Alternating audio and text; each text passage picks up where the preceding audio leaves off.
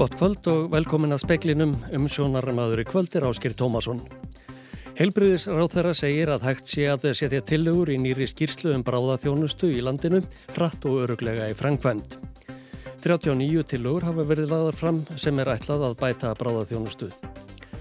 Foreldrar barna í Hafnarfyrði sem ekki hafa fengið leikskólapláss geta sótt umröðlega 100.000 krónar heimgreðslu á mánuði. Republikanar á bandarækjaþingi krefjast þess að Joe Biden forseti upplýsi um alla sem hafa sóttan heim í Delaware. Leiniskjöl hafa fundist á heimili forsetans.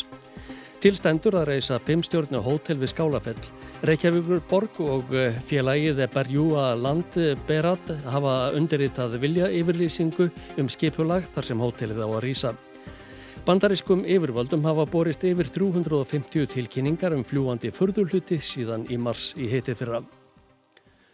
Heilbreyðisráð þeirra segir mikinn fengi nýri skýrslu um bráðaþjónustu landsbytalans. Þar eru lagðar til 39 leiðir til að bæta þjónustuna sem hægt sé að setja fljótt í framkvæmt. Og þetta vorum 45 manna hópur, stopnarnir allstæðara á landinu og 39 tilugur sem að tekur utanum bráðaþjónustunni í landinu í heilt og, og e, þetta er mjög gagleg skýrsla og vel unnin og svo tökum við hana áfram. Viljum segir að eh, nú þegar hafi einn tillega úr skýrslunni verið sett í framkvæmt að uppfæra tækjabúnað í bráða þjónustu og landsvísu. Nú sett 300 miljónur í það verkefni þegar til kaupa á, á tækjabúnaði til að bæta aðstöðu allstaðar á, landinu hjá öllum heilbíðstofnum sem að sinna bráða þjónustu. Vilum segir að tillega með fjarskiptalækni eh, feli í sér frekari útfærslu á viðbröðum við bráða tilvikum sem komi upp út á landi. Bráða móttaka landsbítalans hafi synt þessu hingað til. Þegar er komið upp svona bráða tilvik út á landi og læknir á staðnum þarf að sinna því útkalli og, og svo sjúkra flutningar og, og mögulega þyrla þá er þegar haft sambandi bráðamóttöku um, um það að greina vandan og þarna er tillaga sem er frá þessum hópi sem er mjög áhugaverð og ég rekna með að við, við setjum í svona framkvæmta áallun bara hratt og örglega ásamt öllum öðrum góðum tillögum í þessari skýslu. Þetta sagði Viljum Þór Þórsson, helbriðis ráð þeirra. Nánar verður fjallaðum skýrsluna síðar í speklinum og rætt við Jón Magnús Kristjánsson, sérfræðing í bráðalekningum sem leti vinnu teimisins sem gerði skýrsluna. Foreldrar barna í Hafnarfyrði sem eh, hafa ekki fengið leikskólaplás geta sótt um heimgreðslur upp á rúmlega 100.000 krónur á mánuði. Bæjarstjórin telur mikilvægt að fjölga valkostum foreldra. Í Hafnarfyrði eiga foreldrar í sömu glímu og annar staðar að brúa bylið millir fæðingarólofs og leikskóla. Fæðingarólof er 12 mánuður en innritunaraldur á leikskóla er um 14 til 15 mánuður sem er þó með því legsta í stæstu sveitafélögum. Margir leita til dagforeldra en þeir hafa verið fáir í bænum. Um áramót tók bærinu upp svo kallar heimgreðslur. Foreldrar geta sótt um þær ef barn hefur nátt 12 mánuða aldri en ekki enn fengið pláss á leikskóla. Greðslunar nema 102.400 krónum á mánuði. Rósa Guðbjörnsdóttir er bæjarstjóri í Hafnarfyrði. Við þekkjum hvernig staðan er í dagvistamálum eftir að fæðingarólofi líkur og við töldum mikilvægt að leita allra leiða til þess að reyna að brúa þetta bíl fyrir einhverja. Upphæðin 102.400 krónur er svo sama og niðugreisla bæjarins til dagforeldra fyrir barni í fullri dvöl. Greislutnar voru hækkaðar um 50% um áramót. Þá voru teknir upp stoppstyrkir til nýra dagforeldra upp á 300.000 krónur. 26 starfandi dagforeldrar eru í bænum og þeim hefur fækkað um helming á áratug. Við viljum gera allt hvað hættir til þess að fjölga þeim og gera þennan starfsvættavang sem físilegast. Saði Rósa Guðbjörn stóttir, Alexander Kristjánsson tók saman. Republikanar á bandarækjaþingi krefjast þess að eh, fórsetin Joe Biden upp, eh, upplýsingar um alla þá sem hafa sóttan heim í Delaware þar sem nokkur leyniskjöl hafa fundist þar, þar undan varnar vikur. Sérstakur saksóknari var skipaður í gerð til að rannsaka skjölinn. Leinileg skjöl frá tíma Bidens sem var að forsetta hafa fundist bæði á skrifstofu sem hann legði í Washington og á heimilans í Delaware. Málið er alltið vandræðalegasta fyrir Biden sem fyrir nokkru saði forvera sinn Donald Trump hafa verið mjög óábyrgan eftir að leiniskjöl fundust í fórum hans. Bandarískum yfirvöldum hafa borist yfir 350 tilkynningar um fljúandi furðurluti síðan í mars 2021.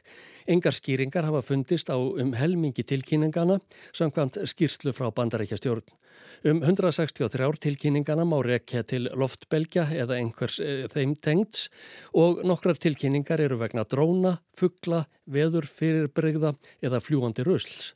Ekki hefur tekist að henda reyður á hinum 171 hlutnum sem hefur sérst eh, til.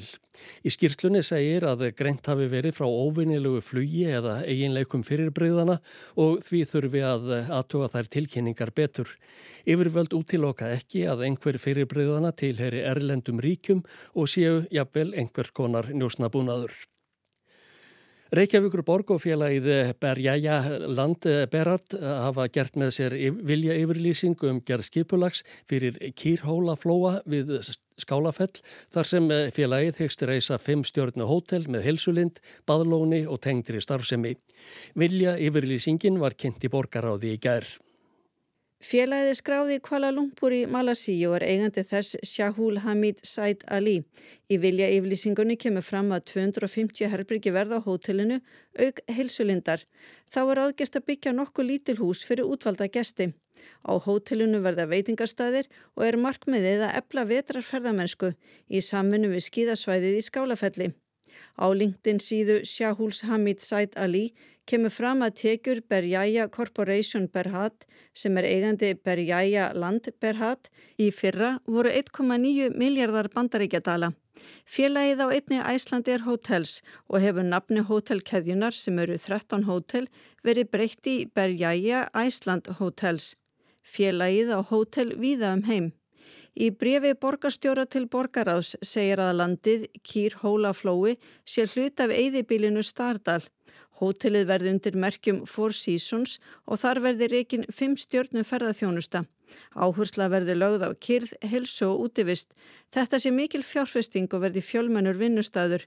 Uppbygging ferðarþjónusta á svæðinu er í samrami við aðalskipulag, ferðamálastefnu Reykjavíkuborgar og áfór borgarinnar í græna planinum styrking á svæðum í námynda við græna trefulinn og helstu útivista svæði borgarinnar segir í brefinu.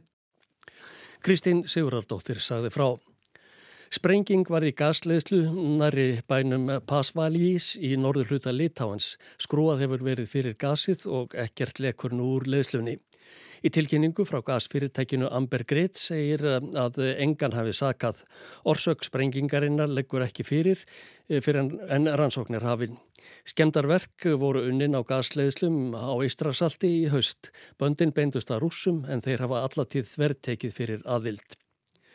Snjór hefur verið fluttur í, á gersnefið við, við Elleðorvog í stórum stíl á undanförnu til að greiða leið vekkfærenda á höfuðborgarsvæðinu. Svafa S. Steinarstóttir, helbriðis fulltrúi Reykjavíkur borgar, segir að reynd sé að draga úr mengun með því að leifa ekki snjónum að leifa ekki að snjónum sé sturtaði í sjóin. Betra sé að eitthvað mengandi eh, efni síjust fyrst úr honum. Ef þú varpar öllu í sjóum beint að þá getur þetta náttúrulega haft einhver neikvað áhrif í nærumhverfinu. Og með því að setja hann hérna á land og láta hann brána þar þá getur við þó mista hvort þið sapna saman líka því rusli og öðru sem óneitt fylgir af göttunum, getur móka því og farið með í förgun. Það er náttúrulega ímislegt sem að leynist í þessu, það er náttúrulega hluti að þessir svifrikið okkar og það eru plastagnir og það er gúmiagnir og alls konar og jafnvel einmitt starri hlutir sem að liggja á göttunum. En auðvitað náttúrulega bráðnar snjórin á göttunum okkar, hann fer inn í ofanvarskerfið okkar og hann fer að lókum til sjávar. En í allavega sumum göttum, þar sem er tvöfald kerfi, þá rennur líka leysingavatnið okkar í viðkvamari viðtaka eins og orðnar.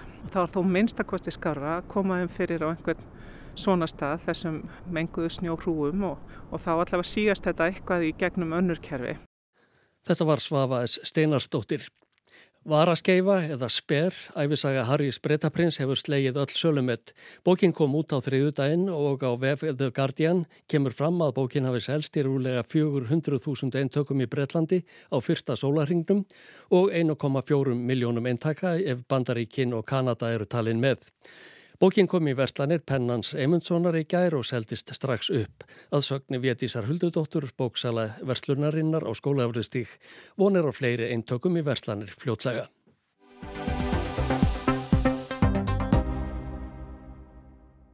Í dag var gefin út skýrsla um bráðaþjónustu í heilbreyðskerfinu á Íslandi. Í skýslunni eru laðað fram 39 tillögur að breytingum og umbótum sem hægt er að ráðast í á næstu árum á ymsum sviðum eins og mönnun, sjúkraflutningum, þjónustu utan höfuborgarsvæðisins svo eitthvað sé nefnt. Hópurinn sem kom að gerð skýslunar var stór og með breyða þekkingu, samtals 47 manns. Tillögunum er beint til heilbreyðistofnana, embættis landlæknis, heilbreyðisráðunetisins, landsbítalans og fleiri sem hafa með málaflokkin að gera vítt og breytt um landið. Bent er á að stegun bráðaþjónustu heilbreyðistofnana í landinu endur spekli að stórum hluta stöðu fyrri ára og hafi ekki verið greind eða skipulöð sem ein heilt. Mart hafi breyst með bættum samgöngum og fólksfækkun hafi orðið í ákveðnum byðalögum. Á móti komi að aukin fjöldi ferðamanna heimsæki landið í setni tíð og frístundabyðir hafi verið byggðar upp á ákveðnum landsvæðum. Allt hafi þetta áhrif á það hvernig viðbráð og þjónusta heilbreyðskerfisins byrtist. Jón Magnús Kristjánsson, sérfræðingur í bráðalækningum, leiti vinnu teimisins sem gerði skísluna. Það sem að við urðum fyrstvís var að eh, það vantaði svolítið heildar sín á skipilagi bráðaþjónustu landinu. Það hefur verið mjög mikið í umræðinu með stöðu á bráðamótöku landsbítalans undanfærin mörg ár og erfiða stöðu þar en við höfum mun minna fjallaðum eða hirt um stöðu bráðaþjónustuna um all land. Þannig að, að við verðum bara að byrja á byrjun og, og byrja á því að, að skoða og skilgreina viðbraðsketu allra starfstöðva helbreyðistofna á landinu til þess að reyna að fá einhverja yfirsýn yfir, yfir málið. Þannig að svona fórsendurna voru kannski ekki alveg til staðar?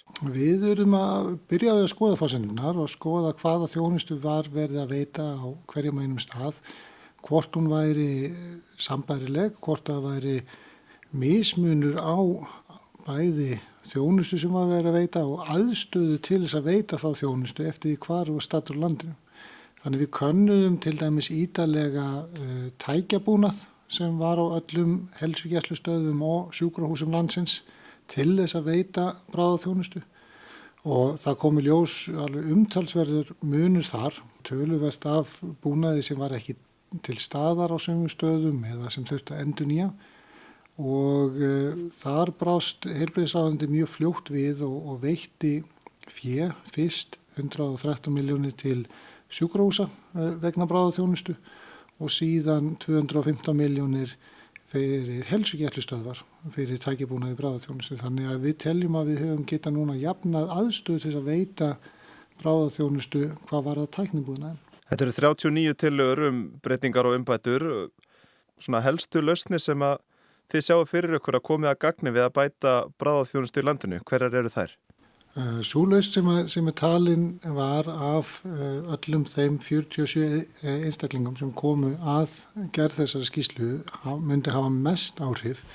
Það var það að koma upp eh, eins konar fjarskiptalækni vegna bráðaþjónustum og þetta er raun og verið hugmyndu sem að hefur aðeins komið upp að yfirborðið áður sem einhvers konar þjónustumiðstöð eða, eða eitthvað þess áttar í bráðaþjónustunni þar sem að allir viðbrasaðilar, hvort sem það eru björgunarsveitamenn eða eh, slökkvölismenn eða sjúkraflutningamenn eða læknar á, eða aðrir helbriðistarsmenn út um all land geti þá haft beint samband við einhvern sérhæfðan lækni til að fá aðstóð í erfiðari málum.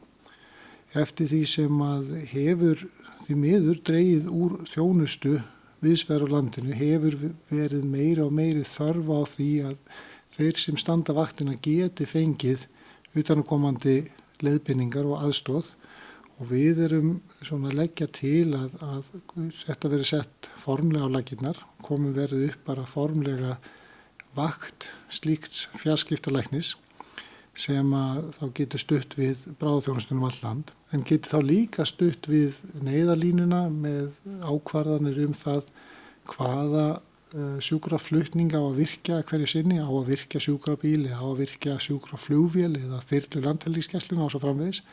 Þannig þetta verði svona uh, þjónustu sem næri yfir all landið. Mikið hefur verið rætt um stöðu bráðamótugur landsbítala, þar sem staðan er þung og snúin. En líkt og Jón nefndi þá beinast tilugur hópsins að víðari þjónustu en bara bráðamóttugur landspítala. Samt sem áður eru tilugur sem snúa að því að draga ár álæginu þar, til að mynda með því að endurskipulegja bráðaþjónustu á höfuborgarsvæðinu. Markmið þessara skýslu var í sjálfvegsir ekki að minga álæg á bráðamóttugur landspítalans. Og megin þættirni sem að valda álægi þar e, raun og veru koma ekki til Eh, umræðu í þessari skýslu. Þeir þættir eru vel þekktir. Það er skortur á öðrum þjónustu úrræðum fyrir eh, einstaklinga með ferniskerðingu, hvort sem það er vegna öldruna einhvers annars á höfuborgarsvæðinu, það er að segja hjúkurna heimili, heima þjónustu, heima hjúkurun og svo framvegis og svo mönnunar vandi landsbítalans. Og þeir tveir þættir eru, eru Eh, svona að rákveðin forsenda þessara skýslu að það er verið að vinna að þeim málum á öðrum vettfangi eh, á vegum helbriðsrándisins. Þannig að skýslinu var ekki ætlað að létta á álægi bráðmáttökur landsbítals í sjálfvísin. En þau þætti sem, við, sem er fjallar um er skipulag bráðaþjónustu á höfuborgarsvæðinu og þar kemur ljós að, að það var hægt að, að samræma svolítið betur hvernig samdægustjónusta helsugjastlunar er. Það er að segja að upplýsa um það að allar 19 helsugjastlustöðar höfuborgarsæðinsins eru með opna móttökur þar sem að hægt er að fá mat á sínum uh, veikindum eða, eða minniháta slísum uh, samdægus, bara að koma á sína helsugjaststöði staðin fyrir að koma á bráðmóttökuna. Við fórum yfir starfsemi læknavaktarinnar og, og lagt var til að Þar myndi vera bætt við hjókunafræðingum í móttöku þannig að þetta væri teimisnálgun í móttökunni. Bæði hjókunafræðing á læknar sem að, sem að væri þar við störf og, og það var bröðist mjög hrætt við því líka innan helbriðsráðuneytisins og, og sett í nýgerða framlenging og samningu við læknavaktina að, að það bættust við hjókunafræðingar á vaktinni. Og síðan skoðum við svolítið hvort að væri þörf á því að setja upp smáslýsa móttöku utan dagvinni tíma á höfuborgarsvæðinu sem einhver annar myndir hekka en, en miða við þau gögn sem við skoðum og höfðum að, að þá töldum við ekki það að vera heppilega leið e, þegar skoðuð er, er svo þjónusa sem er fyrir hendi og, og sá kostnaði sem myndir fela í sér að bjóða upp á, upp á aðra svona smáslýsa móttöku. Við erum flestöld með kennitölu sem eðlumálsins samkvæmt einkennir okkur innan samfélagsins. En það eru fleiri sem leita á náður helbriðskerfisins. Hér eru ótal ferðamenn á flakki og þeir lenda í því að þurfa aðstóð. Það getur valdið vandraðum í kerfinu að þeir hafa ekki kennetölu. Eitt af því sem hópurinn leggur til er að leysa þann vanda. Eitt af því sem er erfiðara við að þjónusta ferðamenn er það að öll skráning eh, og alla beðnir um myndransóknir og svo framvegis er tengt við kennutölur í kerfinu á, á Íslandi. Eðlimál sem samkvæmt þá eru erlendi ferðamenn ekki með kennitölur og það er þess vegna sett upp ákveði kerfi þannig að, að helbriðsstofnun eða, eða sjúkraflutningar eða, eða neyðalínan geti sett upp e, gerfikennitölur fyrir þá sem til þeirra leita.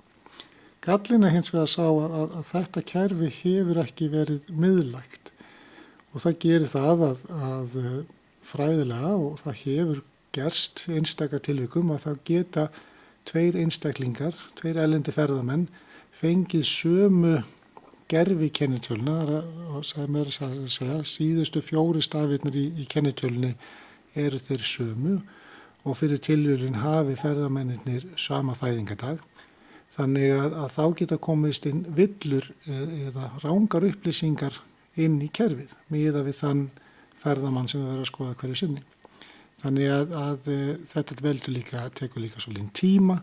Þetta veldur því að það er ekki hægt að setja upp kerfi þar sem að e, ferðamennir eru e, rukkaðir fyrir sína þjónustu e, eftir á. Heldur þurfum við því miður að, að rukka ferðamenn fyrir til dæmi sjúkraflutninga með sjúkrabíl meðan þeir eru ennþá á sjúkrabörunum eða strax komir af sjúkrabörunum sem, sem okkur líkar ekki í okkar helbeiðiskerfi og okkar menningu í kringum það. Þannig að, að það er verið að vinna í því að búa til nýtt kerfi í kringum þetta. Það sem að búið er, það sem miðlegt verður búin til gerfi kennitella fyrir ferðamenn sem áþarf að halda þannig þetta kom ekki fyrir. Þessa tilögur fjöla það er í sér umturnun í því hvernig bráða heilbreyðstjónustæði er hugsuð? Í raun og veru er fyrst og fremst verið að herfa, horfa til þess að fá fyrsta lagi heildar skoðun á því hvernig ástandið er í dag uh, og setja fram hugmyndir uh, eða tillögur af því hvernig við sjáum framtíðar sínina fyrir okkur og, og stóra myndin í því er það að við veitum einskoða bráðaþjónustu og mögulegt er allstaðar á landinu. Eh, það eðlumál sem samkvæmt verður aldrei sama bráða viðbrað til staðar uh, í mjög miklu dreifbíli eins og er uh, á Akureyri eða í Reykjavík. En það við getum gert og sett fram tillögur um ákveðina lámarks þjónustu uh, sem að gildi þá fyrir all land og í því samhengi skoða hluti eins og staðsetninga sjúkrabíla, mönnun og þjálfun sjúkraflutningamanna. Við genum skoða eins og við gerðum tækjabúnað uh, þeirra helskjörlustöðva sem er út um all land og svo líka uh, þjálfun og færni helbriðistatsmanna sem starfa á þeim uh, helbriðistofnun. Síðan er, er til hliða við þetta verið að skoða hluti eins og Eh, sjúkraflugið, hvort að það sé ávinningur af því að, að auka hlutild sjúkraþyrla í sjúkraflutningum á Íslandi. Þannig að við getum komið fleirum fyrr til aðstóðað, aðstóðar og komið þeim fyrr á sérhæða þjónustu á landsbytala eða á sjúkrafsson Akureyri. Þannig að við erum að reyna að skoða hildar myndina á bráðaþjónustunum á landinu. Og eru þessar tilögur, eru það raunhafar út frá þeim fjármunum sem eru til skiptana?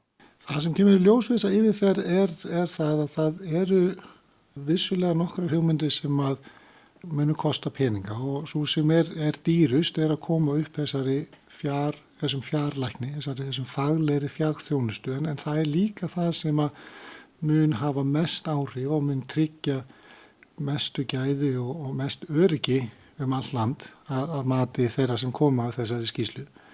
En e, flestar hugmyndirnar eru ekki kostnæðasamar e, hugmyndir, heldur meira snúast um, um skipulag og samhæfingu og, og hvernig kerfið er sett upp hjá okkur.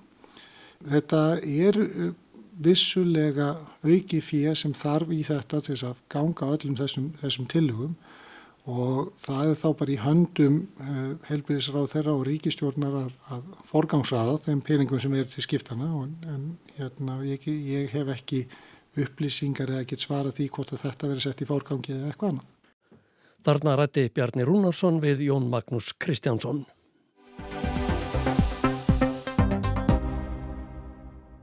Þau leiðu tíðindi bárust í nótt að Lísa Marí, enga dóttir Elvis Presleis væri látin, 54 ára að aldri. Það var Priscilla, móður hennar, sem greindi frá því að dóttir hennar hefði verið flutt á sjúkrahús í Los Angeles í gerð morgun. Þar var hún úrskurðuð látin. Priscilla Presley nefndi ekkert um dánarórsök dóttur sinnar en að sögn bandarískra fjölmiðla lést hún af hjartaslægi. Fyrir réttri hálfri öld um miðjan mánuð 1973 má segja að Elvis Presley hafi brotið blað í tónlistar og fjölmiðlasögunni. Atbörðurinn var kynntur á fundi með frettamönnum í Las Vegas haustið áður. The first, first, new first, involves Elvis as the first performer to do a worldwide live concert via satellite. A real spectacular. Sjálfur saðist Elvis Presley vera dolfallin yfir þessari nýju tekni. Sig hefði ekki órað fyrir því fyrir 15 árum þegar tónlistarförullin hófst að hægt er þið að ná til allra landa heims í einu með útsendingu um gerfin nött. It's uh, very hard to comprehend it because I, in 15 years it's hard to comprehend that happening, you know. To all the, all the countries all over the world via satellite, it's very difficult to comprehend. Það var Thomas Parker, umbóðs og umsjónarmadur Presleis sem fekk þá hugmynd að senda beint út frá tónleikum hans um gerfinnött frá Hawaii eigum. Hún kveiknaði þegar Richard Nixon, þáverandi bandaríkjafórseti, fór í heimsók til Kína á útmánuðum 1972. Heimsóknin þótti stórmerkileg í miðju kaldastriðinu þegar samskipti stjórnvalda í bandaríkjunum og Kína voru nánast engin. En einnig þótti það tíðundum sæta í vesturheimi að sjónvarps áhorfendur gáttu fylst með heimsókn fórsetans þökk sé útsendingum um gerfinnött. Um bannum sem yðurlega var kallaður Conley Parker eða Parker ofursti þótti þetta stór merkileg tækni sem hugsanlega geti nýst drengnum hans. Upphálega stóð til að beina útsendingin frá Hawaii yrði 18. november 1972 í enda hljómleikaferðar presleisum bandaríkinn. Hætt var við það því að tónleika mynd hans Elvis on Tour gekk í kvikmyndahúsum vestra um sama leiti. Viðburðurinn var þá fluttur til janúar. En þegar nær dróföknuðu stjórnendur MBC sjónvarpstöðvarinnar upp við vondan draum. Samist hafði um að þeir sendu tónleikana út en svo óheppilega vildi til að það var bein útsending frá ofurskálinni einum stærsta íþróttaviðburði ársins í bandaríkjunum þetta sama kvöld. Eftir vangaveltur og samningaviðræður var ákveðið að tónleikonum á Hawaii erði haldið til streitu en að NBC síndi tónleikana í april. Útsendingin náði því til landa í Asi og Eialfu og með töf til Evrópuríkja. Elvis Presley, hljómsveit hans og kór heldur loka æfingu að kvöldi 12. janúar að viðstötum fullum sala fólki og beina útsendingin fór fram þann 14. Hún hófst með sama kunnulega stefinu og allir tónleikar Presleys á 8. áratugnum.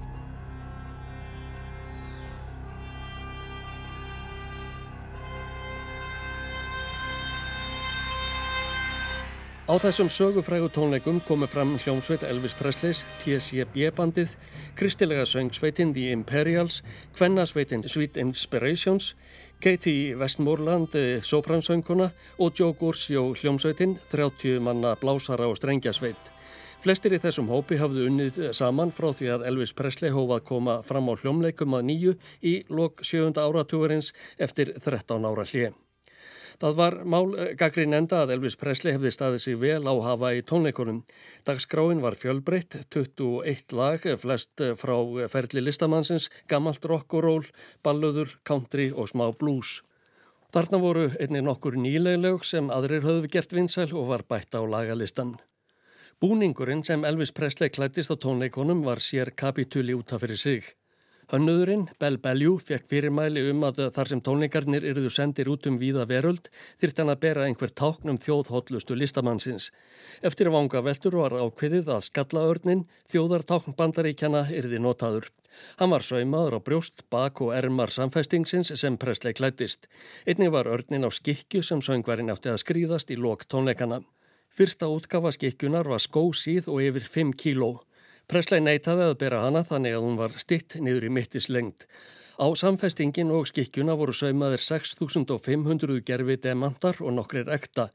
Það tók vel flest starfsfólk hönnuðarins nokkra daga að festa alla steinana á samfestingin. Í loktónleikan átti Elvis Presley að snúa baki í áhrifendur, krjúpa og þennja út skikkjuna þannig að þjóðartáknið skalla örnin blasti við. Þetta tókst með ágætum á æfingunni fyrir sjálft útsendingar kvöldið. Í beinu útsendingunni flæktist skikjan. Elvis Presley nendi greinilega ekki að komin á réttan stað þannig að losaði sig við hana og hendin út í áhorvendaskaran. Áallad er að 1-1,5 miljardur sjónvarps áhörvenda í 36 löndum hafi fylst með þessari fyrstu beinu útsendingu, söngvara eða einleikara um gerfinnött. Í Japan var haldin sérstök Elvis Presley vika í tilefni af útsendingunni. Í bandaríkjónum horfðu 20 miljónir á tónleikana þegar þeir voru síndir í april. Tvöföld hljómplata með lögum frá tónleikonum var gefin út í februar 73. Hún fór í efstasæti bandariska vinsaldalistans síðust hljómplatnana sem gefnar voru út með Elvis Presley á 8. áratugnum.